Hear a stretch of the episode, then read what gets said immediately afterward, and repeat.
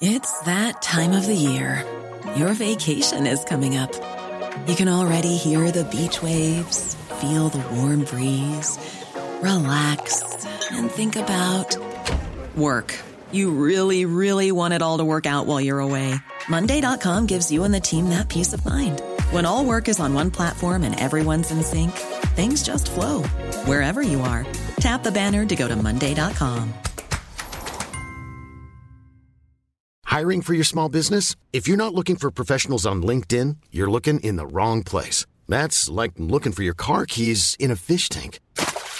LinkedIn helps you hire professionals you can't find anywhere else, even those who aren't actively searching for a new job but might be open to the perfect role. In a given month, over 70% of LinkedIn users don't even visit other leading job sites. So start looking in the right place. With LinkedIn, you can hire professionals like a professional. Post your free job on linkedin.com slash people today. Er det endelig jul, og snart skal vi også logge ut av kalenderåret 2022. Har vi i Tut-redaksjonen sparket godt nok fra oss i år? Har vi vært de mediekritikerne vi satte oss som mål å være? Det lurer jeg på denne uka.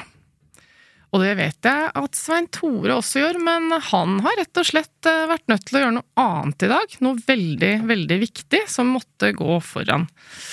Og nei, det er ikke å handle julegaver, det kan jeg love, selv om jeg veit at han ikke er ferdig med det heller. Men for å ta et grundig tilbakeblikk på 2022, før vi dykker ned i julebrusen, så har jeg rett og slett fått med meg en av de mest uredde mediekritikerne jeg veit om her til lands. Jeg har nemlig invitert Kristin Clemet. Velkommen. Tusen takk skal du ha.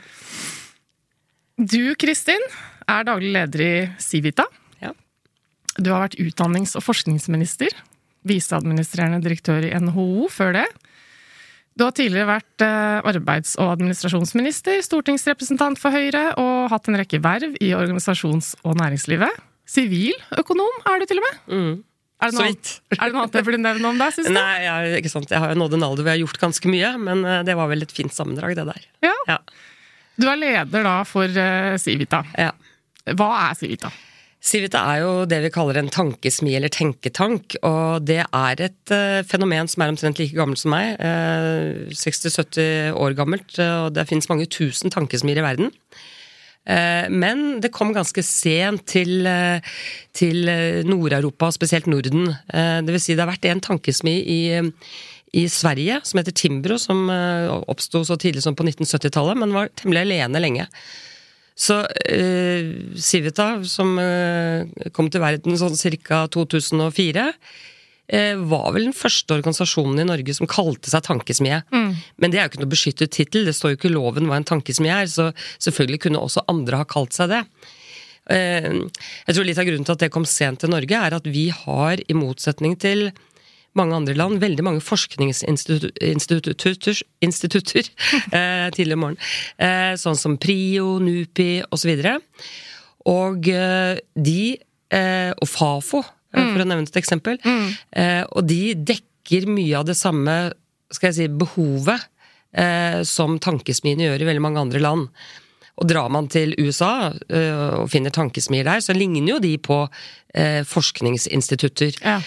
Eh, Og kommer det amerikanere til Norge, så sier de at PRIO og NUPI og sånn, det er, eh, ser ut som tenketanker.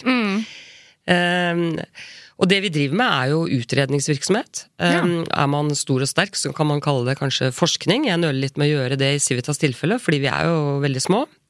Men noe av det vi gjør, kan kanskje kalles forskning.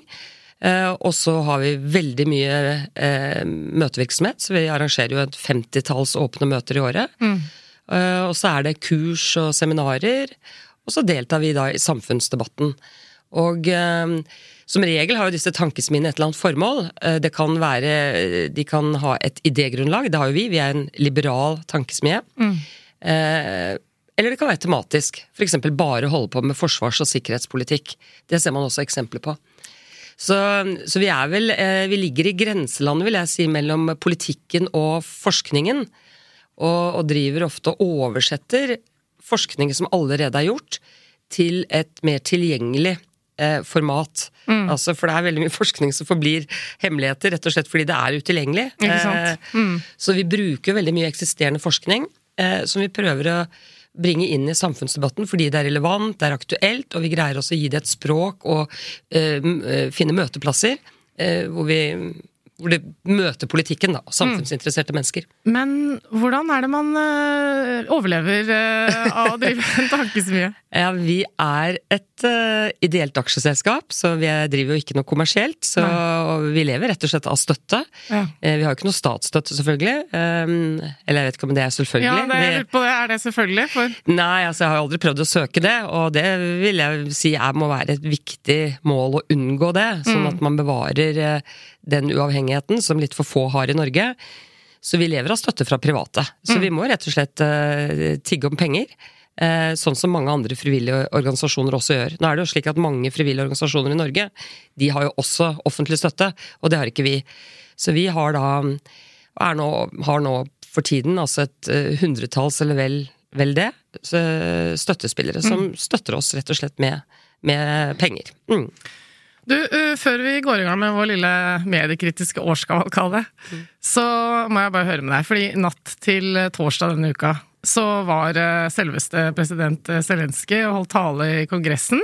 Eh, altså, jeg våkna opp den morgenen og tenkte bare sånn det er mye snakk om en informasjonskrig i forbindelse med denne krigen, men det er jo også et krig om eh, narrativ, om eh, gode taler, om evnen til å påvirke folk. Og der står altså Zelenskyj i collegegenser mm. og snakker til Kongressen. Hva tenkte du da du Jeg så, har ikke sett han ennå i Kongressen, men jeg så pressekonferansen sammen med Biden. Mm. Og det er jo nesten surrealistisk. og man blir jo helt utrolig imponert av uh, Zelenskyj som um, altså ikke rømte, men ble der, mm. og bruker jo ordenes kraft, taler, det det. Eh, mediene det, det, at han Og han har jo veldig, veldig erfaring med det, men mm. bruker jo dette for å være dette folkets leder nå, og for også å å si, oppildne det internasjonale samfunn til å støtte Ukraina. Mm.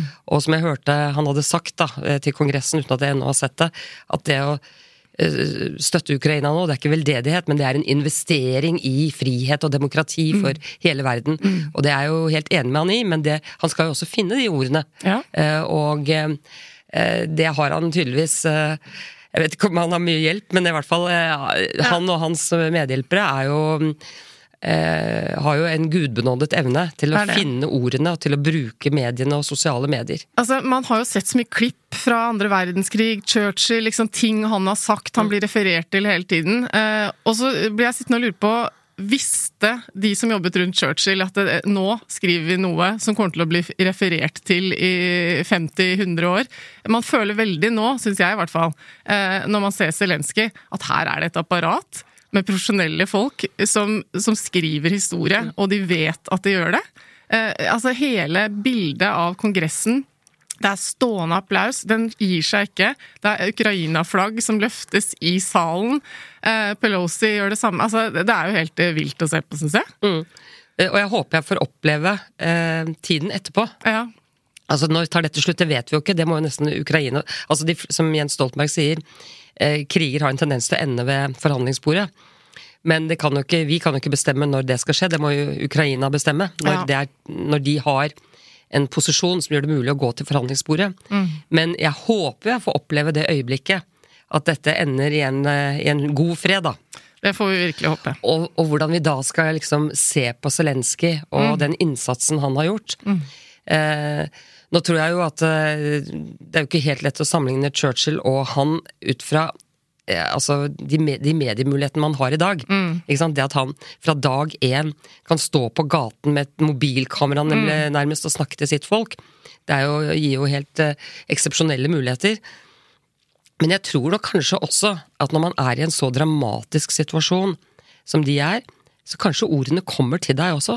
Mm. Fordi det er eh, Eh, jeg tenker på det eh, nå, vet, nå, er vi jo kjent med at de talene Jens Stoltenberg holdt i forbindelse med 22. juli Da fikk han jo hjelp av eh, avdøde, også journalist, som var hans statssekretær, Hans Christian Amundsen. Ja. Det vet vi jo i ettertid. Mm. Men de talene har jo blitt, blitt veldig eh, rost og anerkjent eh, fordi de var så flotte og var så, passet så godt. Eh, og, og da har jeg tenkt på det, kanskje, kanskje en så dramatisk situasjon, så kommer kanskje ordene til deg. Eh, mer enn du ville ha gjort hvis du bare skulle tenkt deg inn i en sånn situasjon. Ja. Ikke sant? Ja, Så det er kanskje det som skjer også. Historien skrives. Ja. Ja.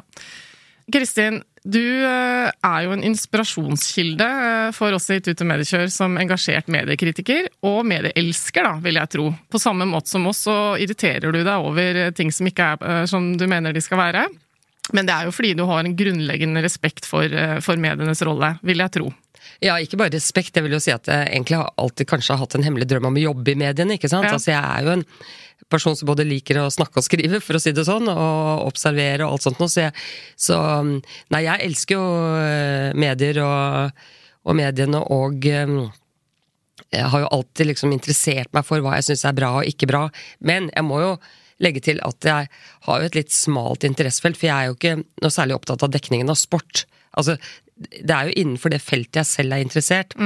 Altså det man kan kalle politikk og samfunnsspørsmål. ikke sant? Det er jo det som har Så hvis du ber meg gi en god beskrivelse av hvordan er dekningen av kulturlivet eller idretten i Norge, så kan jeg ikke eh, tror jeg ikke jeg kan gi noen god beskrivelse av det, for det, vet, det, det vet jeg for lite om. Men, eh, men Så det er innenfor det feltet jeg selv har vært interessert, da, som på en måte Ja. Veldig ofte så tenker jeg en tanke eh, som jeg ikke engang klarer å sette ordentlig ord på i mitt eget hode. Og så går det en dag eller to, og så scroller jeg på Facebook, og så har du formulert akkurat eh, det synspunktet, veldig ofte. Helt perfekt. Det er Så ganske bra! irriterende. Fin arbeidsdeling. ja. Men altså, det er jo fordi du da har det som jobb også, at du, at du skal skrive og ytre deg. Eh, så, så det er jo til inspirasjon. Og det er morsomt, syns jeg, fordi at Svein Tore, som da skulle ha vært der, som har et annet politisk ståsted eh, enn deg, han er jo en uttalt Arbeiderpartimann, eh, kan også ofte liksom nikke seg enig med ting du sier, spesielt om mediene, da. Og det syns jeg er litt morsomt, jeg mobber han litt for det. Eh, så, eh, så med utgangspunkt i da Facebook og din feed, så har jeg gjort en slags sånn stalking av deg. Mm Kikka litt gjennom gjennom Mm året. Så tenkte jeg at eh, du og jeg kunne da bare liksom vandre litt gjennom 2022 med utgangspunkt i dine ytringer eh, om eh, mediene og jobben de gjør. Og så får vi se hvordan det går. Hvordan de fyller sin samfunnsrolle. Det starta i eh, januar, da, eh, med eh, noe som skal vise seg å være en gjenganger fra din kant, Kristin. Ganske nådeløs kritikk av Dagbladet. Mm. Det handler om deres livedekning av terroristen Behring Breivik. Han hadde jo sin løslat- løslatelsesbegjæring i tingretten. Dagbladet reklamerte på forhånd 'følg rettssaken live'. Det irriterte deg. Ja, altså det tror jeg irriterte mange, så jeg, jeg føler jo det at eh, når jeg setter ord på sånne ting som jeg gjorde der, så er det mange som er enig med meg. Ja. Eh, og i dette tilfellet så Alle visste jo eh, hvordan det der ville ende. Han ville jo ikke bli løslatt.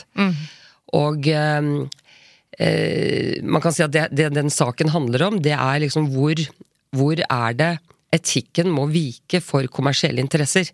Ikke sant? Altså alle som driver i, ute i det kommersielle, kan jo stå eh, i situasjoner hvor man er fristet til, eller hvor man får en mulighet til å gjøre noe som egentlig er grenseoverskridende. Mm. og du bør ikke gjøre det. Og heldigvis så de fleste holder seg jo tilbake for å gjøre det grenseoverskridende. Eh, noe holdes tilbake fordi det er ulovlig, men veldig mange gjør jo ting, lar være å gjøre ting som er lovlige. Fordi det føles grenseoverskridende i forhold til en eller annen etisk eh, grense. Og det mener jeg eh, de, de, de prøvde, altså Dagbladet prøvde å forsvare denne dekningen, denne direkte dekningen. Men at det var viktig av hensyn til rettsstaten og sånn, det mener jeg jo bare er tull. Altså Hadde Dagbladets journalister sittet der og gitt oss et sobert referat etterpå om hva som skjedde, så er det like godt for rettssamfunnet og for rettsstaten.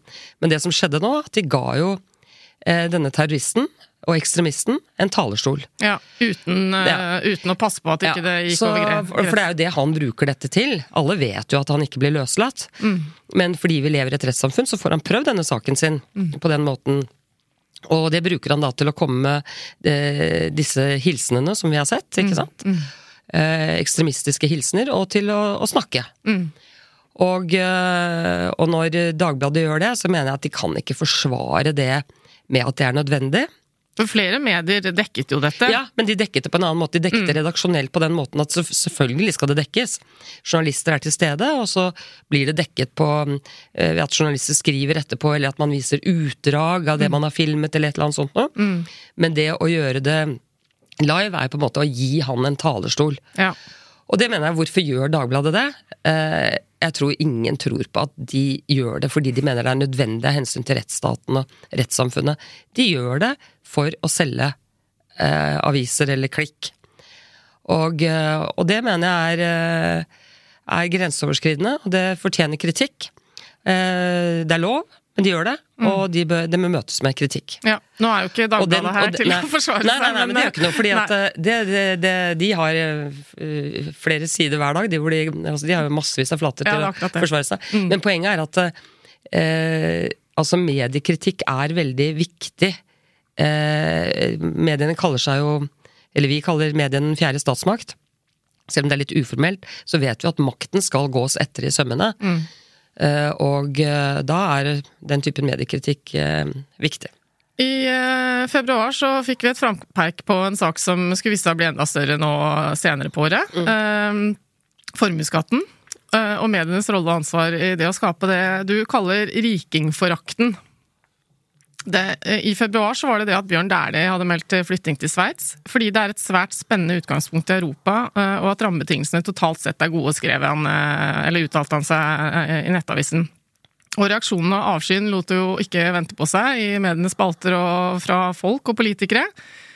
Tenk at vi lever i et land der våre fremste ombud, statsråder og stortingsrepresentanter syns de kan uttrykke så mye avsky og mistenkeliggjøring overfor en navngitt person, statsborger og medborger, skrev du da.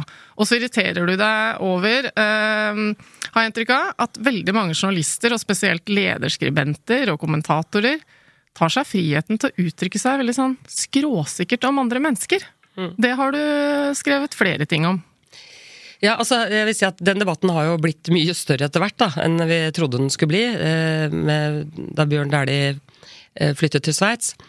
Eh, og jeg vil si at Det er to ting som jeg, synes, som jeg reagerer på i, det feltet der. Og Det ene er at det har utviklet seg en, generelt en veldig veldig negativ retorikk rundt mennesker med næringsformue. Altså de er, har rett og slett de, de eier bedrifter. Det er jo det de gjør. Ja. Og det er jo bedrifter vi vanligvis er ganske glad i, da, fordi de gir arbeidsplasser og verdiskaping. Men de kalles liksom baroner og rikinger, og eh, de, de fremstilles som Profitører. ja, profitører og unnaslunter og sånt. Og jeg reagerer veldig på det, og dette går langt inn i det politiske eh, miljøet. Eh, så, så, og jeg tror at mange av de som driver næringsvirksomhet i Norge og eier næringsvirksomhet, og har næringsformue, jeg tror man hører jo det nå, eh, lenge etter at jeg skrev den første bloggen, at dette er medvirkende til denne flyttestrømmen. Mm. Jeg tror jo at den viktigste grunnen er eierbeskatningen, det skal vi sikkert ikke snakke om her, men altså eierbeskatningen. Men at retorikken også nå har blitt såpass ubehagelig at, eh, at det medvirker til at man eh, eh, får lyst til å, å flytte. Så det er det ene siden av den. andre siden av det, som hjalp Bjørn Dæhlie, jeg reagerer veldig på at de vi har valgt til våre aller fremste ombud, stortingsrepresentanter, og ikke minst statsråder, medlemmer av landets regjering, at de skjeller ut navngitte borgere. Av dette samfunnet. Det syns jeg ikke går an. Enten de er rike eller fattige eller sitter i fengsel eller, eller er, hva søren de gjør, så mener jeg at eh, enhver borger av dette samfunnet fortjener en respekt fra våre fremste ombud. Og når jeg hører da statsråder eh, liksom kan si nei, det er bare reis, vi trenger deg ikke, altså til f.eks. til mennesker som papir er rike fordi de har, eh, har eh, enorme bedrifter tusenvis av arbeidsplasser. arbeid, ja. Altså, det, jeg, det, jeg syns ikke sånt går an. Jeg syns når du, når du, når du har blitt eh, statsråd, så går du etter min mening inn i en litt annen rolle enn du har hatt før du ble statsråd, og da skal du i mye større utstrekning prøve å være statsråd for alle, ikke bare for dine. Og, og, og, og jeg syns man aldri skal Jeg synes det skal svært mye til før man kan snakke negativt om egne borgere. Vi har vært gjennom en annen fyr her litt tidligere, altså en terrorist. Jeg forventer ikke at han skal omtales pent av medlemmer av regjeringen, men jeg tror du skjønner hva jeg mener. Ja. Lov, helt vanlige Han blir jo borgere. faktisk Ja. omtalt med mer respekt enn mange mener han fortjener. det kan du si. Ja. Men eh, så det, så det, det handlet litt om der at Bjørn Dæhlie, eh, som eh, ble ved navns nevnelse, Ja. eh, skjelt ut av våre fremste politikere. Men hva med da kommentatorer og lederskribenter i avisene? Ja, altså Det har jo spredt seg denne bruken av eh, profitører og baroner og rikinger inn i de, veldig mange redaksjoner. At ikke det går an å snakke mer normalt om mennesker som eier og driver næringsvirksomhet. Det syns jeg er veldig merkelig. Og jeg skrev en, eh, et blogginnlegg forleden fordi, og viste til eh, en, en, en reportasjeserie som Klassekampen har hatt, hvor liksom formålet har vært å finne ut at en privatskole, en friskole, en privatskole, ikke har jukset med pengene. De har ikke funnet noe særlig, etter min mening, men de, har, de, har liksom, de spør seg ikke er dette bra for elevene. Det er ikke så interessant. ikke sant? De er bare opptatt av at privat er galt. For du forsvarer jo veldig den delen av skoleverket, da. At det skal være mulighet for og, og, men, det rare er at i Aftenposten så foregår noe av det samme. Ja. Eh, bare at da dreier det seg om barnevern, og de tar opp en type sånn retorikk og språk, også sånn anbudsbarna. Mm. Som om barna er satt ut på anbud. Eh, så dette sprer seg veldig eh, inn i mediene, og jeg tror det er veldig det er synd, for det leder til polarisering og splittelse. Og tross alt, eh, enten altså jeg tror man skal veldig langt ut på venstresiden før man ikke anerkjenner at vi trenger et privat næringsliv, og at eh, det er ganske godt for Norge at vi har eh, de bedriftene og de arbeidsplassene, og noen må jo eie dem. Eh, og de som eier dem, de er på en måte da rike. Ja. ok. Vi har kommet til mars i min lille stalking, eh, og da er jo din, eh, din Facebook, eh, som alle andres Facebook, fylt av meninger og følelser rundt krigen som brøt ut 24. februar, eh, da Russland gikk til angrep på Ukraina. Men du irriterte deg over at enkelte medier fremstilte Ukraina og Russland som likeverdige parter, eh, og du tok til orde for at eh, Kringkastingsrådet i sitt marsmøte da burde ta initiativ til en skikkelig evaluering av NRKs dekning av opptakten til selve krigen. Hvordan syns du nå i retrospekt at mediene har eh, gjort jobben eh, med tanke på dekningen av krigen? Mye bedre etter hvert. Ja. Men jeg tror, eh, jeg tror det var greit at det var en liten runde på det tidspunktet. Fordi det var nok flere enn meg som reagerte litt på hvordan dette startet. Men det er blitt mye bedre, absolutt. Og det, dette har jo vært en runde i Kringkastingsrådet. Og jeg tror de også satte i gang et arbeid for en evaluering. Jeg syns det var veldig velegnet som tema for en evaluering, for her sto jo eh, allmennkringkasterne, eh, og de offentlige allmennkringkasterne i dette tilfellet, da, eh, de sto jo overfor samme la meg si, nyhetssak, altså samme sak, som gikk over tid. Og, eh, så det ville være på en måte velegnet for en, eh, en eh, slags eh, sammenlignende evaluering, da, for å se eh, hvordan NRK f.eks. gjør det. Mm. Har de nok korrespondenter? Er de, har de innsikt nok? Eh, Hvem inviterer de i studio til å fortolke situasjonen for oss? Jeg tror Hvis vi skal sette ord litt på mm, det som var eh, litt av kritikken den gangen, var jo en bestemt person som var veldig mye i NRK, mm. nemlig Tormod Heier, som eh, satt der i uniform. Og jeg tror en del reagerte på måten han kommenterte dette på. Som om det var liksom nærmest et slags sånn spill, eller hva jeg skal si. Og, Ja. ja, og det var en veldig sånn lett måte å snakke på. eh, Og hvor, hvor det ble Krigsstrategi ja, og hvor, det, og og hvor det ble litt for mye en slags fremstilling av, som, som du sa, altså Russland og Ukra Ukraina som to likeverdige parter. For Mm. mye eh, Og mye Man fokus blir på jo sittende så, og se på nærmest et sånt brettspill Ja, med tropper ja, og ja. forflytninger og litt Ja, sånn strategi. så så alvoret her, eh, pluss at det var mange som bommet også i sine analyser, det kan man jo ikke Det, det må jo være lov. Men, eh, men det er nok de som vil si at eh, en del utenlandske medier, eh, hvis man fulgte de, så, så var det ikke så lett å bomme, for å si det sånn. Altså, det var eh, Men er det ikke medienes rolle å rapportere nøytralt og ikke ta side? Eh, jo, det kan du si, men her er det jo også grenser. Altså, Ja. Det er jo ikke mediene eh, Når vi, når vi står overfor eh, ulovlige handlinger og krigsforbrytelser og sånt, så skal man jo ikke rapportere nøytralt om det. Eh, så så det, er- det, vi tillater jo til og med at man kan være enig med mer opptatt av ett fotballag enn et annet. Ja, ja, ja. Altså, sånn at, eh, Så lenge altså, man ikke er for tydelig på hvilket lag man heier på hvis man skriver om fotball. Ja. Nei, altså det, det finnes jo helt sikkert eh, altså Det finnes jo kriger og konflikter hvor det er så vanskelig å vite eh, hva som er rett og galt, at man må prøve å rapportere det så nøytralt for mye. Jeg synes for eksempel, eh, jeg er glad jeg ikke er eh, nye Afrikakorrespondenten til NRK som skal rapportere fra Etiopia, for eksempel, fordi det er så komplekst bilde. Eh, Men akkurat i dette tilfellet så er det vel ganske klart hvilket land som har overfør- overfalt et annet. Absolutt. Eh, Vi hadde jo Klassekampens eh, Mari Skurdal her eh, rett, altså i den eh, perioden her, og Klassekampen fikk jo en del eh, kritikk da for sin dekning fordi eh, de var litt for mye Altså tok litt for mye ansvar, kanskje, for å også gi eh, Russlands side av krigen mm. en stemme, eller hva man skal ja, kalle det. Eller for å liksom si at dette er Natos skyld, egentlig. Ja. Så mm, eh, ja, altså det, så, Men, men eh, det, det, den kritikken Klassekampen fikk, den, den fikk de jo. Og den ble håndtert, de måtte Mm. besvare den. ikke sant? Den foregikk i det åpne, åpne rom, så det er jo fair enough. Mm. Ja. Eh, Vi skal gjennom et helt år på eh, en, eh, en times tid, Kristin, så vi skal bare raskt innom det at du i april kritiserte Arbeiderpartiets podkast Partipresse, fordi den ble faktisk kommentert torsdag morgen denne uka på Politisk kvarter. Altså, du, du var Jeg hadde reagert på det samme, og igjen da, så var du ute.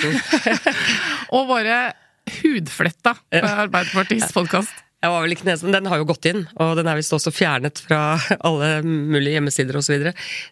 Politisk kvarter har jo tatt opp eh, nå før jul eh, eh, tema eh, politiske podkaster, altså de politiske partienes podkaster. Og alle partier har vel kanskje prøvd seg. Noen eh, har måttet gi opp for de har ikke fått det til, og noen når ikke helt opp. Og, Høyre har Stortingsrestauranten, blant og annet. Mm. i dette um, Politisk kvarter da, så, så var det, hadde de med en journalist fra Bergens Tidende som har anmeldt disse podkastene. Og han eh, pekte jo på at eh, han mener at gullstandarden er Høyres uh, podkast Stortingsrestauranten, som har holdt på mange, mange år. Og at en veldig ny podkast med Mimir Kristiansson og Magnus Marsdal altså Det er ikke egentlig Rødts podkast, men eh, de snakker mye om Rødt. Blir jo fort det. Ja, eh, at den også viser veldig lovende takter, og så viser de også til Venstres podkast. Men det som var poenget her, da, det er at eh, du Altså hvis du er veldig selvrettferdig og eh, selvopptatt, så funker det ikke. Du må være litt mer selvironisk, du må være åpen, du må vise frem dilemmaer. Eh, Uenighet i partiet, eh, og hvis ikke du gjør det, så faller du egentlig gjennom. Og det var kritikken av Arbeiderpartiets podkast. Ja, hvor kommer denne forestillingen fra at Arbeiderpartiet nærmest har skapt Norge og alt som er godt, skrev det. Hvordan er det mulig å bli så selvforherligende og i så liten grad se og anerkjenne hva korrektiver, kompromisser, konflikt, samspill, samarbeid og initiativer fra andre betyr? Nei, det er jo det er noe med den partikulturen der. Det har jeg merket veldig mange ganger i, livet. Altså at en del av det som liksom lever som sånne my myter, som ikke er sant, Ja. om, eh, i historien. Eh, Det fins masse som er der ute på sosiale medier om hva eh, at er, eh, Arbeiderpartiet har funnet opp dette her, og da stemte Høyre imot. Ikke sant? Og det er masse løgner om det som, som liksom flyter der ute. Men det jeg oppdager, er jo at mange i Arbeiderpartiet tror på dette. Ikke sant? Så det, så det er eh, eh, Jeg husker en gang jeg diskuterte med Martin Kolberg, som er for øvrig en eh, veldig hyggelig mann. Men liksom, jeg tror han sa sånn midt i debatten Det er Arbeiderpartiet som har skapt Norge! Ja. Ikke sant? Mm, ikke helt. Det er ikke du helt enig i, hvert fall. Men, men, eh, men eh, når han sier det, så er det eh, Det er ekte på den måten at han, han opplever det sånn. Han tror det er sånn. Mm. Og, eh, og det, så det preger antagelig det partiet litt eh, Altså, det preger partiet og partifolket, da, sånn at eh, det er kanskje vanskelig da, med denne litt mer åpne, selvironiske eh, stilen, der hvor du liksom viser frem uenighet og dilemmaer, eh, som enkelte andre partier da får til litt bedre. Vi lar det være med det, fordi eh, dette ikke er en politisk podkast. Jeg skal ikke prøve å eh, utfordre deg på disse tingene. Jeg går heller over til Mai, hvor du irriterer deg over Dagsavisens leder, Så det du mener er som jeg irriterer meg fryktelig. Men mitt fokus nå er jo på alt det du irriterer deg over, som vi ofte er enige i, da. Eh, som du mener er da både kunnskapsløs og lite hensynsfull når de beskriver Siv Jensen i dette tilfellet som arver en mann som het Thor Bang. Og du kritiserer igjen en ovenfra nedholdning fra kommentariatet i pressen. Saken var jo at Siv Jensen rett og slett Plutselig arvet penger. Ja, ikke sant. Og Ja, det var vel det at Dagsavisen nå, jeg ikke jeg husker det, men Dagsavisen mente jo da å vite at eh, hun ikke fortjente disse pengene, og at den, det burde noen andre ha. Og enda de ikke kjente mannen, de kjente ikke beveggrunnen, de visste ikke altså vi, Det gjorde ikke vi heller på det tidspunktet, jeg tror ikke vi fortsatt vet det. Sånn at eh, det er et eller annet med å ikke eh, kunne liksom leve seg inn i at her kan det være mennesker som har andre motiver, andre hensikter, enn de du eh, ilegger dem, da, så å si. Mm. Eh, når, eh, når, du ikke kjenner dem, ikke har snakket med dem, ikke vet noen ting. Og det er jo det Dagsavisen gjorde i det tilfellet der. Så jeg kjenner ikke den mannen, og jeg vet ikke hvorfor han etterlot seg penger til Siv Jensen, men det kan jo være tusen grunner til som vi ikke kjenner til. Men fra saken til det litt mer generelle, det at man tar seg friheten da når man har spalteplass, mm. til å bare liksom uh, anta noe, uh, og med den påvirkningskraften man har, uh, få lov til å snakke litt Kanskje ikke sånn nedsettende i dette tilfellet, men mm. bare ta seg friheten. Ja, jeg syns ikke det gjør noe, men da, da, er det veldig viktig hvordan du formulerer deg, syns jeg. Altså, da bør du være veldig nøye på å si at dette vet du ingenting om, men mm. gitt at osv. Så eh, sånn at det var jo noe med tonen i den lederartikkelen eh, som var eh, veldig skråsikker. Som om de visste alt som de ikke kunne vite alt om.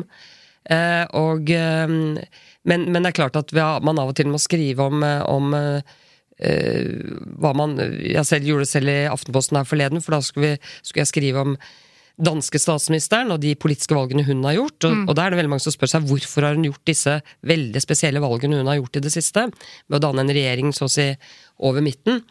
Og det spekuleres jo mye i hennes motiver. Så da refererte jo jeg jo de ulike motivene man spekulerer i, og det må man kunne gjøre. Men da må jeg jo få frem at dette vet jeg ikke sikkert. Mm. Ja, skråsikkerhet eh, når man ikke egentlig har grunn til det, som kanskje er det du reagerer mest på? Eh, altså Jeg merker veldig godt at jeg liker eh, veldig godt kommentatorer og politikere som holder et veldig høyt presisjonsnivå. Mm. Jeg pleier alltid å fremheve Jens Stoltenberg som et eksempel på det. Fordi eh, For det første så eh, Da han var i, i Norge og var statsminister og partileder og sånn, så var det mitt inntrykk at han han, eh, han, drev ikke valgkamp døgnet rundt, året rundt, hele tiden. Altså, han greide å eh, distansere seg litt fra det veldig partipolitiske eh, når man ikke var midt oppi en valgkamp. Men så skrudde han på valgkampmodus da når vi nærmet oss eh, valg, naturligvis. Mm. Men jeg syns han selv, eh, i de mest eh, eh, hva skal jeg si for noe he, voldsomme basketakene rett før et valg, så greide han eh, i og for seg drive med en effektiv retorikk, men samtidig beholde presisjonsnivået. Mm. Eh, ikke, ikke mm, tulle med sannheten. Eh, og det liker jeg veldig godt at man greier. Og ikke, ikke bli for omtrentlig. Ja. ja. En ting som jeg har tenkt litt på, eh, er jo når, man, når kommentatorer skriver ledere og kommentarer i avisen, så, så, skriver de jo, da får de arbeida litt mer med teksten. Men mm. så har vi jo flyttet oss litt over i podkastformatet, mm. hvor de ofte sitter litt mer og prater. Eh, og da kan jeg kjenne litt på den, den ja. følelsen innimellom at nå blir det litt ovenfra og ned og litt omtrentlig og, og litt sånn ja. Jo, men det, det, var, det, berørte de i dette Politisk kvarteret som vi snakket ja. om om podkaster, nemlig at hva er det som er bra med dette formatet? Jo, det er nettopp at eh, man får lov til mm. å, å, drodle litt og være litt upresis og ikke og, og leke seg litt med, med ord og tanker. Eh, og, men som de sa der, og det tror jeg var veldig riktig, Forutsetningen er at ikke mediene nå begynner å så å si, bruke eller misbruke det. Altså at Mimi Kristiansson ja. eller Henrik Asheim mm. sitter i podkasten sin og tuller og, og, og, og, er litt åpne og ærlige om eh, problemene i partiene sine, for å ta et eksempel. Ja. Så må ikke da en journalist på utsiden slå det opp i VG eller Aftenposten som et utsagn fra partiet. Ja, ja, det kommer jo til å skje. Ja. Men, men altså, disse, så lenge podkastformatet får lov til å være i fred, som det litt mer uformelle stedet, mm. eh, jo bedre, bedre fungerer det. Ja. Eh, også for å gi oss andre innsikt i for, for, det kan man si at eh, når disse partiene greier å lage vellykkede podkaster, så gjør de noe av det samme med politikken som jeg mener at mediekritikken, en mer livlig mediekritikk, kunne gjort med mediene, nemlig at vi som står på utsiden, får større innsikt og forståelse for det vi ser på utsiden. Eh, hvis vi aldri har vært på innsiden av politikken, så er det veldig vanskelig å vite hva det som foregår bak der inne i det partiet. Og det er veldig vanskelig å få, vite hva som foregår inne i redaksjonene når de foretar valg. Og jeg mener at det er veldig styrke for demokratiet at vi som er utenfor, forstår mer, mer av det, da. Ja, jeg er helt enig i det også, da. Og, og det er jo nettopp det som er med mediekritikk. Fordi det høres veldig negativt ut at man driver med kritikk. Men eh, det som vi f.eks. prøver å gjøre litt her i Tute er jo også bare gå litt på innsiden, få litt mer forståelse av hvordan det funker. Jeg satt i Kringkastingsrådet i åtte år, og, og da lærte jeg jo at kritikk er ikke negativt. For kritikk Nei. er både ros og, og ris, ikke sant? Så de, man skal jo drive, og mediene driver jo veldig systematisk mediekritikk internt i redaksjonene. Mange medier i hvert fall, regner jeg med. Eh, Så, så det, men det er klart at det å være en på utsiden som jeg er, litt av problemet med det er jo at eh, når du sier ja, så irritert du over det, og så irritert over det, så høres det ut altså det, det, Jeg må innrømme at litt av problemet her er jo at jeg setter meg jo ikke ned og skriver så mange sånne eh, blogginnlegg om hvor fantastisk noe var i mediene. Så, Mm. Kanskje så det er noe du skal tenke ja, litt på? Ja, jeg, jo, jeg har tenkt veldig mye på det, fordi jeg merker jo at en del mediefolk syns liksom jeg, jeg er alltid sur, eh, fordi jeg trekker frem Jeg skriver når jeg blir Ja. har noe å kritisere mer Ja, fra den negative negative siden. mediene er jo også litt sånn drevet, De er litt hårsåre. Ja, men det er også. også sånn at uh, det som er i avisen, eller i media, er jo ofte konflikter, så det, det er jo naturlig. Ja, og så er, Bortsett også, og så vil, vil jeg si at jeg prøver også å trekke frem ting jeg syns er, fungerer veldig bra, øh, og uh, ja. Vi har kommet til juli, eh, og når det er sommerferie, så ser jeg for meg at du sitter på hytta med et glass vin og koser deg. eh, Og nyter sommeren, og så scroller du litt eh, på mobilen og leser noen nyheter, og så får du en eller annen tanke, og så klarer du ikke å la være, så er det nede på testaturet. Fordi rett etter sommerferien så er du ute og kritiserer tause medieledere. Altså, det er jo en del kritikk i, eh, fra mediene da, om at næringslivstopper eh, er for lite deltakende i samfunnsdebatten. Men så mener du, og der er jeg jo enig med deg igjen, da, at eh, medielederne selv, som også er mektige næringslivsledere, ikke eh, svarer og uttaler seg så mye når det handler om dem. Nei, i dette tilfellet tror jeg det var Jon Olav Egeland i Dagbladet som eh, igjen tok da en kritikk som jeg på mange måter er enig i. At eh, eh, nei, næringslivsledere og eiere deltar for lite i samfunnsdebatten. I hvert fall vil jeg si at jeg skulle ønske de deltok mer. Eh, han gjentok dette her, samtidig som han skrev uh, Samtidig som det var i en kontekst hvor de hadde holdt på med den der negative rikingretorikken noen dager i Dagbladet, Ja. uh, som jeg mener bare skremmer bort folk, for de får ikke lyst til å delta i noe samfunnsdebatt. Så det var, hele konteksten var veldig spesielt, og han generaliserte voldsomt negativt om næringslivsledere og eiere på veldig spinkelt grunnlag. Men komikken i det er jo at hans egen sjef, eh, Alexandra Beverfjord, som er redaktør i, i Dagbladet, hun deltar jo etter min mening overhodet ikke i samfunnsdebatten. Nei, vi har prøvd Eh, å få henne hit eh, noen ganger. Ja, Mm. så det er jo, og, og, og hun burde jo deltatt, fordi eh, hun er jo sjef for en avis som er i, har vært i ganske markant utvikling under hennes ledelse. Mm. Det begynte vel før. Eh, og den utviklingen er jo mm, interessant, fordi på den ene side så går det jo veldig bra. Eh, det går jo kommersielt veldig bra Ja, for ja, ja. Dagbladet, Vokser ser det ut til. mest. Det hører vi ofte om. Eh, Men eh, det er også en utvikling som etter min mening sprenger en del etiske grenser. Og det er jo et, en snakkis. Det er jo veldig mange som snakker om det, og er opptatt av det. Og man kjenner jo igjen fenomenet fra andre land, men det er liksom Dagbladet går i, i front. eh, Det er jo det man på stykk kaller klikkhoreri osv. Ja, Dagbladet uh, har etter min mening utviklet seg til å bli en forferdelig klikkavis, skriver du da. Forsiden er full av krim, sex, influensere og reality-TV. Uh, men så er det jo det Altså, vi får jo det vi ber om på et vis, da. Altså, Ja. det funker jo. Ja, men det var det vi snakket om i sted. Altså at uh, alle som driver næringsvirksomhet eller kommersiell virksomhet, også annen virksomhet for den sakens skyld, men altså kommersiell virksomhet, de står jo daglig, eller ofte, overfor valg. Eh, De kan velge å gjøre noe ulovlig, det velger jo selvfølgelig de færreste. Men man kan også velge å gjøre noe lovlig som sprenger en eller annen etisk grense, og de fleste lar være. Mm. Dagbladet lar ikke være. Nei. Eh, De gjør det. Og, eh, og det burde jo vært et eh, tema som hun eh, etter min mening burde deltatt i debatt om. Hvorfor gjør de dette? Og det burde hun delta, etter min mening, i steder hvor vanlige folk får høre om det. Altså ikke helt sånne lukkede mediebegivenheter. Det har heller ikke vært problematisert at en av programerklæringene fra den nye NRK-sjefen Vibeke Fyrst Hagen skrev du det samme innlegget, er at hun ikke har noen ønsker eh, om at publikum skal merke så mye til henne.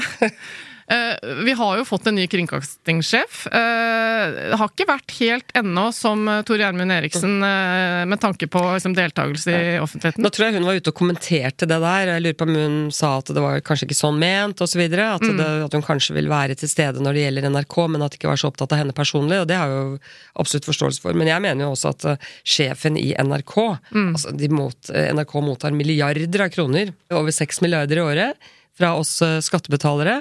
Og det er klart at eh, da må de også forvente et kritisk søkelys, og at sjefen står opp eh, for NRK og tegner og forteller og forklarer om hvilke valg NRK gjør. Ja. Ja. I august eh, møtte jeg deg i Arendalsuka, Kristin, og da var du eh, med i en debatt eh, hvor dere snakket om offentlige søkelister. Og det er en sak som jeg har vært veldig opptatt av, og som jeg ofte har lest hva du mener om. Og så har vi snakka om at det er mange problemer med dette, men hva er egentlig løsningen? Eh, Klarer du nå å bare raskt og effektivt eh, forklare hva du mener er utfordringen med det faktum at vi har eh, en praksis i Norge på at søkere til offentlige stillinger eh, skal eh, fremstå på en eh, åpen liste, som alle, da, og inkludert journalister, har tilgang til. Og så ser vi resultatene noen ganger av det, som er journalistikk som vi ikke er så nødvendigvis glad i. Nei, altså Det skal, skal det være da sånn at det, kommer ut en Når søknadsfristen går ut, så skal man legge frem en søkeliste. Her er de som har søkt, og så skal man starte prosessen med å finne den som skal få stillingen. Noen få kan bli unntatt fra den søkelisten. Altså det kan, kan være hemmelige, fordi de har veldig gode grunner til det. Men det skal veldig mye til. Eh, sånn at eh, Og dette får man ikke til. Fordi folk vil ikke stå eh, på den åpne søkelisten hvis ikke de vet at de får stillingen. og det er det jo gode grunner til. Det mener jeg det er gode grunner til. Ja. Og eh, resultatet, fordi, fordi ikke dette går, så det som der i virkeligheten skjer, det er at man manipulerer hele prosessen. Så når søkelisten legges frem, og man egentlig skulle starte prosessen med å finne vedkommende som skal få stillingen, så er den egentlig over. Og derfor så ser man ofte at det på de listene bare står ett aktuelt navn. Og det skyldes at prosessen er over, og at vedkommende, dette aktuelle navn, allerede har fått stillingen i realiteten. Og hvem er det som gjør dette? Jo, det er eh, offentlige virksomheter. Dette gjør Stortinget. Dette gjør Finansdepartementet. Dette gjør Høyesterett. Så man har altså lovregler som våre fremste institusjoner, selv domstolen, ikke engang er, har lov eller greier å følge. Og da må man jo spørre seg "Eh, er det kanskje noe galt med, med reglene, eh, når det er helt umulig å følge dem. Og det mener jo jeg. Så jeg tror man burde eh, sett på dette, og så burde man eh, vurdert om man kunne ha en form for etterkontroll i stedet. For kontrollbehovet behovet er jo helt legitimt. Ja, og det har jo pressen Ja, ja. rett i, at det må jo være en eller annen form for Absolutt. mulighet. Men man spør seg om man kan gjøre det på en annen måte. Ja. Og jeg var jo i en debatt der nede sammen med Mari Skurdal, som er redaktør i, i Klassekampen, og hun ja, Det er jo ingen i mediene som har noen forståelse for det jeg sier om dette, her, men heller ikke hun. Men jeg prøvde å gi en, et eksempel på hvor vanskelig det er. La oss si at hun søkte stillingen som redaktør i Dagbladet. Og så skulle det stå på en åpen søkeliste og vare i en prosess som tok to, tre, fire måneder. Mens, øh, så hun skulle være redaktør i Klassekampen, søker til å bli redaktør i Dagbladet. Lede det- på jobben og ja. og lede møtene i Klassekampen, og så skulle hun ikke få stillingen i, i Dagbladet. Altså, Det er jo akkurat det eksempelet som, ja. som det virker som at folk ikke vil Nei, forstå. hun, svar, hun svarte ikke på det. Jeg spurte henne flere ganger, hun svarte Ja. Mm. ikke på det, for jeg tror det er ganske vanskelig å svare på det. For at det er Alle skjønner at det der er en umulig situasjon for henne. ja. Så den vil ikke, den vil ikke inntreffe. Eh, Sånn at Hvis hun søkte stillingen som redaktør i Dagbladet, Mm. så ville de hele, hele eh, prosessen blitt manipulert, eh, slik at hun slapp å vise seg frem offentlig som søker av stillingen som redaktør av Dagbladet. Skal vi ha som mål eh, at eh, i løpet av 2023 så skal det komme et eller annet konkret forslag til endring på denne praksisen her? Jeg, jeg kan si at eh, Etter det møtet i Arendal så jeg, ble jeg kontaktet av noen eh, såkalte headhuntere, eh, som jo bare bekreftet at det jeg sier er eh, det riktig. har de bekreftet til meg mange ganger òg. Ja.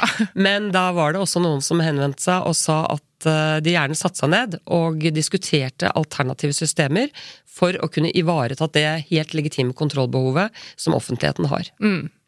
Det har jeg ikke gjort ennå, men det kan jeg jo gjøre. Vi nærmer oss høsten. Eh, Du eh, mener mye om klikktitler igjen, da, Kristin, eh, på Facebooken din. Spesielt sammenligninger mellom VG og Dagbladet, som vi også gjør en del av her i Tute Mediekjør. Fordi det er jo veldig gøy noen ganger å se, når det er store mediesaker, hvordan, hvordan forsidetitlene er i de to avisene. Spesielt da, fordi de ligner på hverandre. Mm. En av dem var jo den finske statsministeren, når narkotesten hennes var klar. Så var uh, VGs tittel uh, narkotest var negativ, altså da får du jo svaret. Du skjønner greia. Mens i Dagbladet så var det narkotesten klar. Mm. Nei, altså, det er det som skiller de to avisene, eller det som er eh, tydelig med Dagbladet, er at titlene er ikke selvforklarende. De skal pirre deg til å klikke og gå videre. Ja. Men de er også laget slik at du får inntrykk av at det som ligger bak, er viktigere, større, mer betydningsfullt enn det viser seg å være veldig ofte. Eh, effekten for meg er at jeg har sluttet å klikke på Dagbladet, for jeg forventer ikke å finne noe interessant på baksiden. Eh, men eh, eh, jeg er antagelig ikke representativ, Nei. siden det går så bra med Dagbladet. Så det er Det er nok mange som klikker. Men, eh, men så, så det å scrolle på dagbladet.no, det gir ekstremt liten informasjon. Mm. Du må videre. Ja.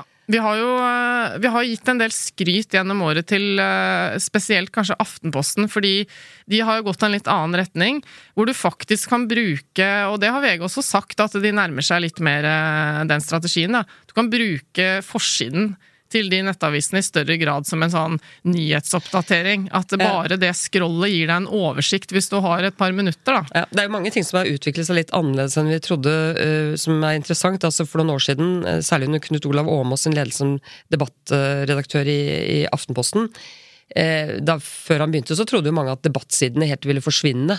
De, de har det jo blitt flere av i mange aviser, ikke alle.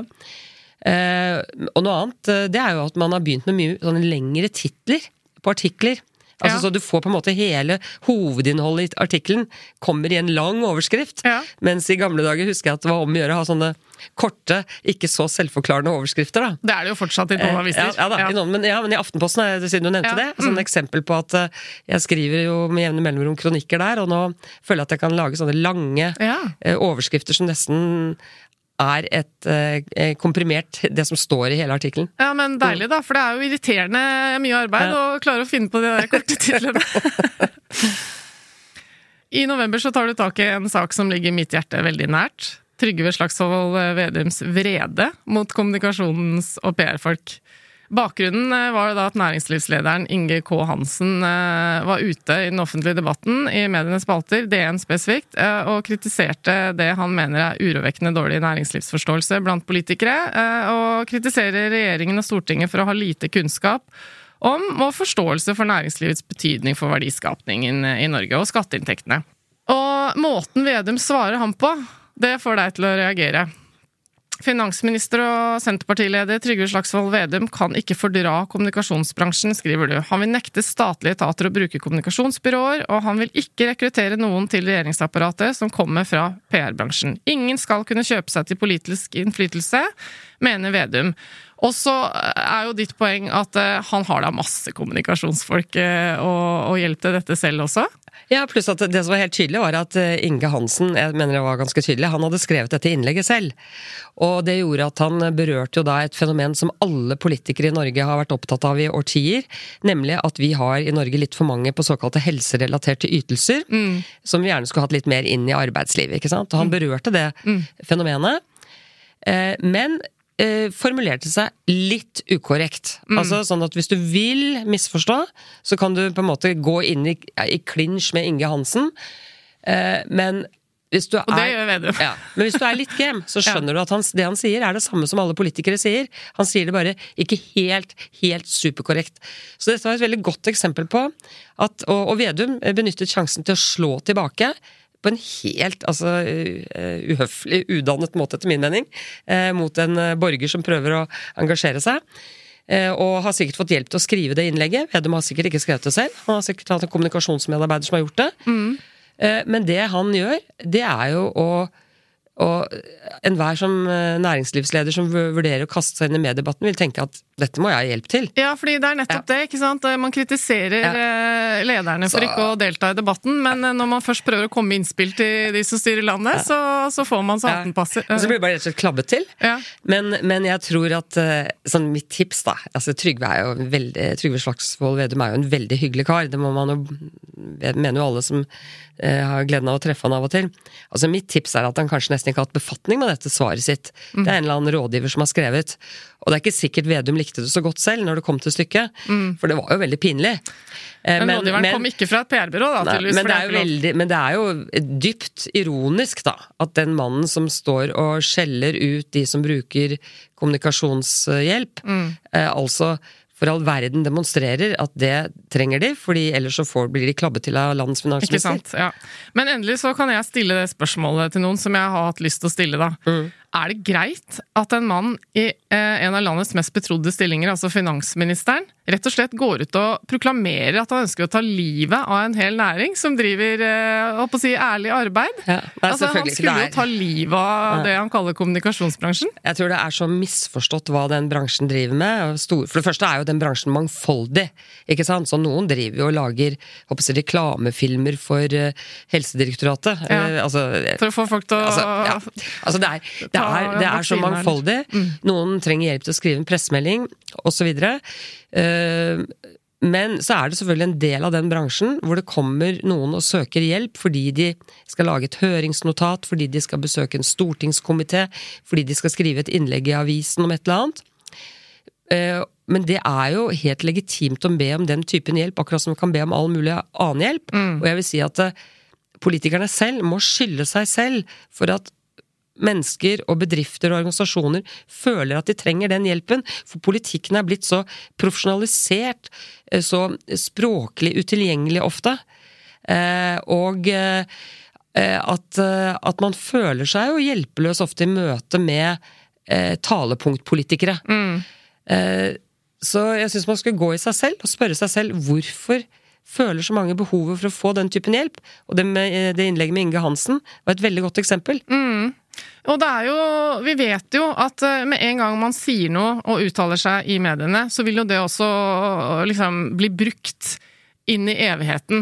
Så hvis det man sier er litt eh, unyansert, eller eh, ikke var gjennomtenkt, sjekket bakover i systemet Ja. osv., så, videre, så, Så, så slo, slo altså Vedum tilbake, Ja. ikke sant? Men, ja, ja, og, det, og det Så jeg Så hvis ikke, ikke politikerne på en måte har en større aksept for at eh, vanlige borgere, Mm. og du er vanlig borger selv om du er næringslivsleder vis-à-vis politikken, eh, hvis ikke det er en større aksept for at ikke vanlige borgere snakker som politikere, Mm. og har nøyaktig den innsikten i hva som er akseptable uttrykksformer Mm. om ethvert fenomen i politikken, så, så får de ikke den eh, dialogen som de etterlyser. Eh, Nei, og det er jo, ikke sant eh, Finansministeren har jo såpass mye å gjøre i jobben sin at eh, når han skal drive og svare medier og skrive svar på innlegg osv., så, videre, så er jo ikke det noe han har tid til å bruke hele dagen sin på. Og sånn er det jo for andre i andre jobber også, så det er jo rett og slett noe med å bare få hjelp til Ja. å få jobben gjort ja, også. ja, altså jeg vet jo dette selv. Altså du kan si at jeg driver med dette selv på den måten at i Civita så har vi jo mm, eh, Engasjerer vi jo ofte en god del unge mennesker Mm. som for første gang skal litt ut i det offentlige rom. Eh, skrive et notat, en artikkel, kanskje komme i Dagsnytt 18 eller en podkast eller noe sånt. Mm. Og hva er det jeg gjør da som leder der? Det er jo å hjelpe dem litt grann, Mm. med dette språket, ikke sant? Fordi det er ikke så lett eh, å vite nøyaktig hvordan du skal gjøre det hvis du skal prøve å komme på trykk i, eh, i Aftenposten eller VG eller Nettavisen. Nettopp. Så du driver et lite kommunikasjonsbyrå du òg, på en jeg, jeg, måte. jeg gjør på en måte det. Så det er sant, det. Nå nylig, altså i desember, så du nevnte jo eh, i innledningen her at du har ikke så god oversikt over sportsjournalistikken osv. Men eh, du skriver altså det er noe sykt i forholdet mellom norske medier og norsk næringsliv. Eh, mange store norske medier dekker nesten ikke næringslivet på en normal måte, slik de dekker sport, kultur og politikk. Og igjen, der eh, var jeg hjertens enig med deg. Altså, eh, fortell. Hva er poenget ditt? Hva er det som irriterer deg?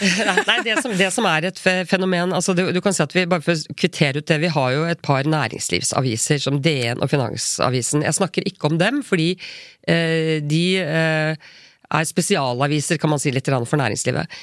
Men hvis man ser på de mer allmennkulturelle avisene, da, så skal jo de dekke alt.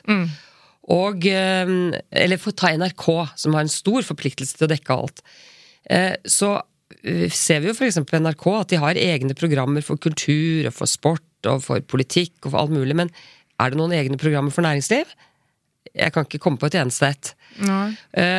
Sånn at Og det gjelder de store allmennkulturelle avisene. Og hvis du går til eh, Hvis du tar nabolandenes aftenpostener, hvis jeg kan si det på den måten, Berlingske og Politikken og Jyllandsposten og Svenska Dagbladet og Dagens Nyheter, så har jo flere av de har jo næringslivsseksjoner. næringslivsseksjoner. Eller ikke sant, som heter business eller erverv eller hva, hva det heter.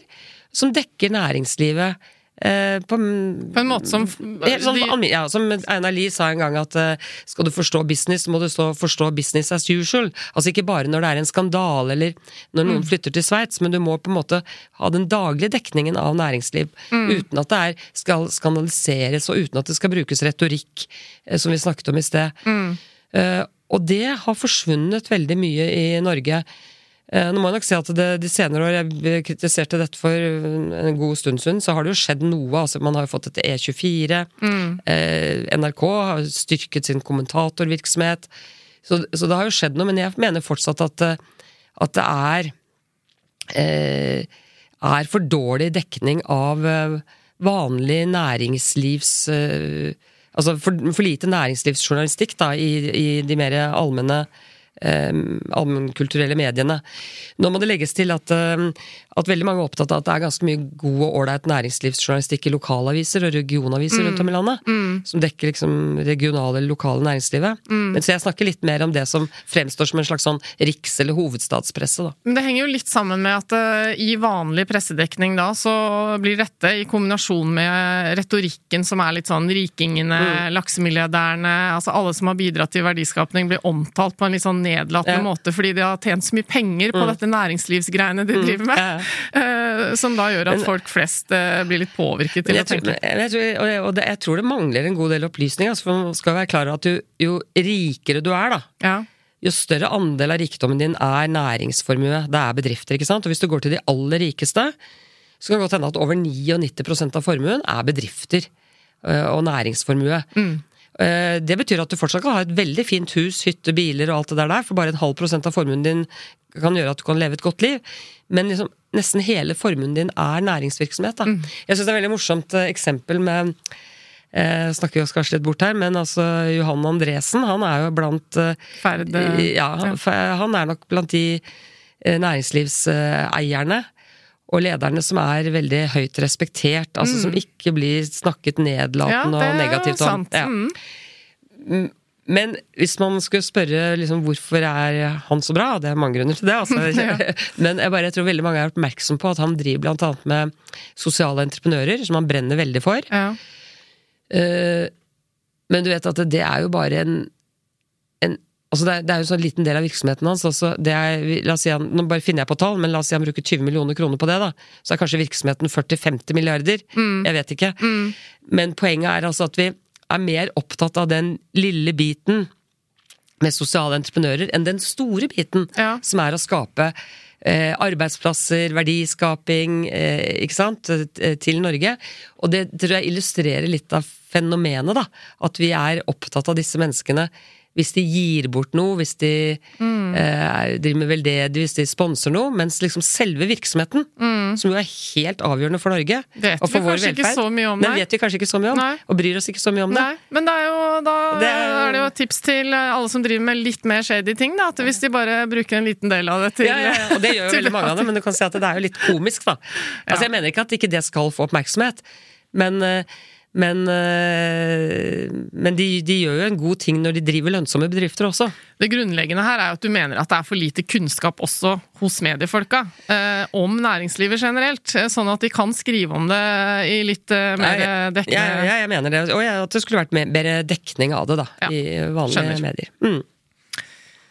Nå er vi i desember. Det er faktisk eh, julaften rett rundt hjørnet. Eh, Vi skal runde av, Kristin. Eh, Har vi nok mediekritikk i Norge?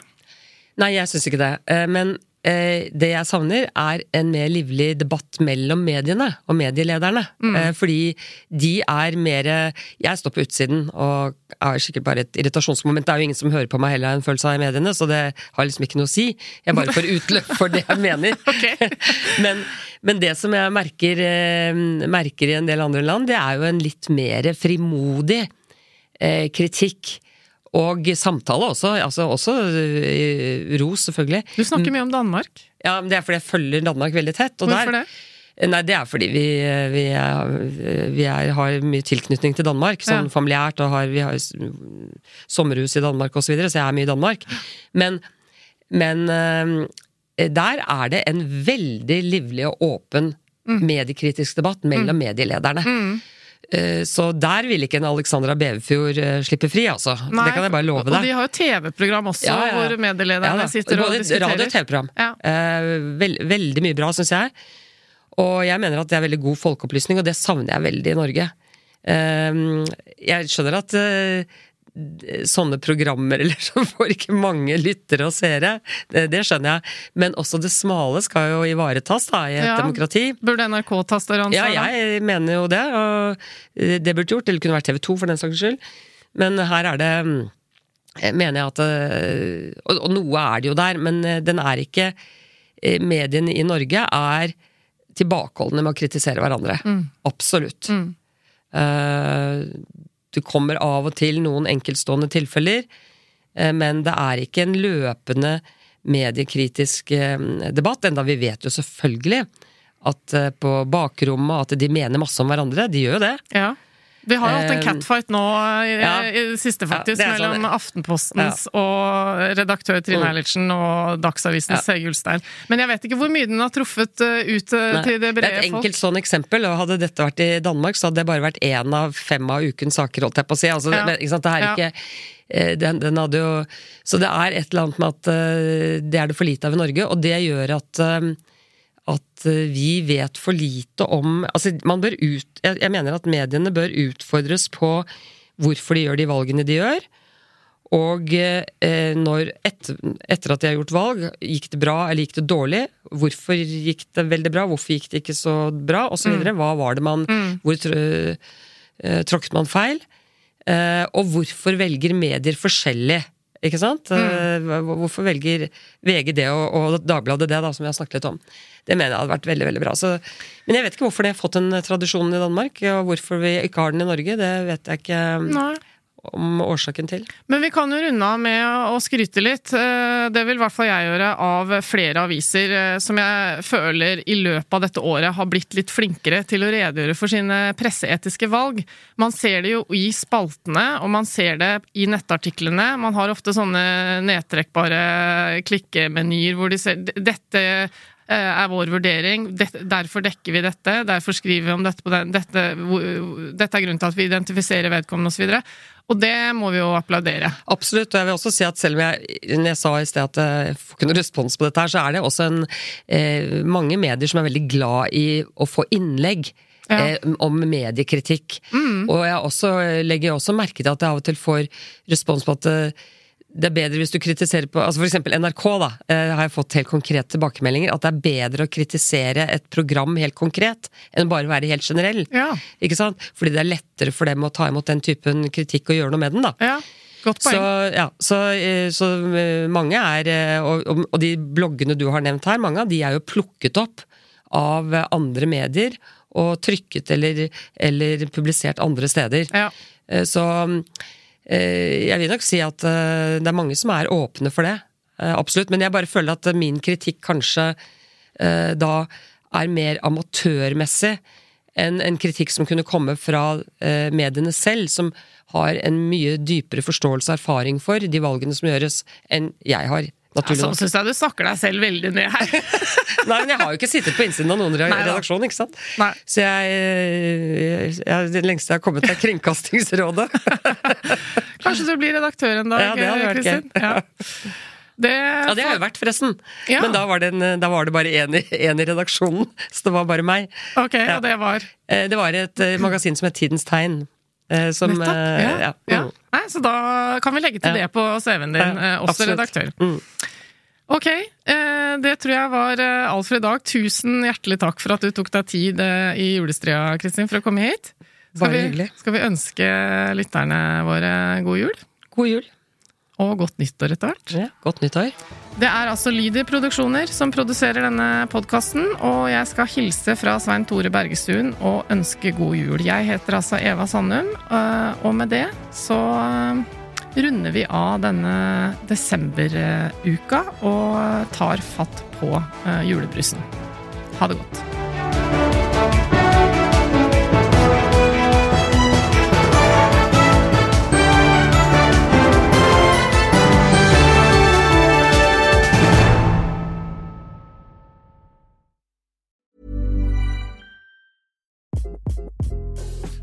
This is Craig Robinson from Ways to Win, and support for this podcast comes from Invesco QQQ, the official ETF of the NCAA. The future isn't scary. Not realizing its potential, however, could be. Just like on the recruiting trail, I've seen potential come in many forms as a coach. Learn more at Invesco.com slash QQQ. Let's rethink possibility. Invesco Distributors, Inc. When you make decisions for your company, you look for the no brainers. And if you have a lot of mailing to do, stamps.com is the ultimate no brainer. It streamlines your processes to make your business more efficient, which makes you less busy. Mail checks, invoices, legal documents, and everything you need to keep your business running with stamps.com. Seamlessly connect with every major marketplace and shopping cart. Schedule package pickups and see your cheapest and fastest shipping options from different carriers with rates up to 89% off USPS and UPS rates. And with the Stamps.com mobile app, you can take care of mailing and shipping wherever you are. Make the same no-brainer decision as over 1 million other businesses with Stamps.com. Sign up with Code PROGRAM for a four-week trial, plus free postage and a free digital scale. No long-term commitments or contracts. That's Stamps.com. Code PROGRAM.